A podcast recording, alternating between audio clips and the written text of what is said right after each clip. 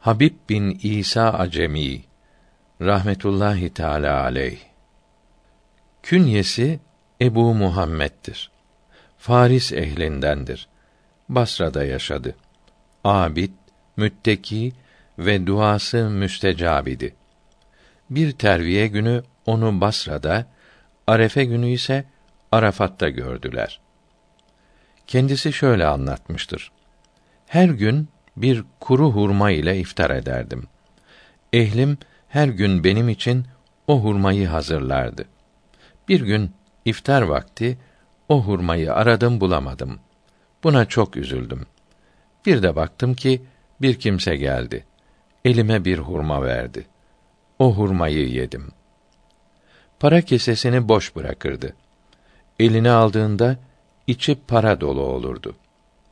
120 miladi 739'da vefat etti.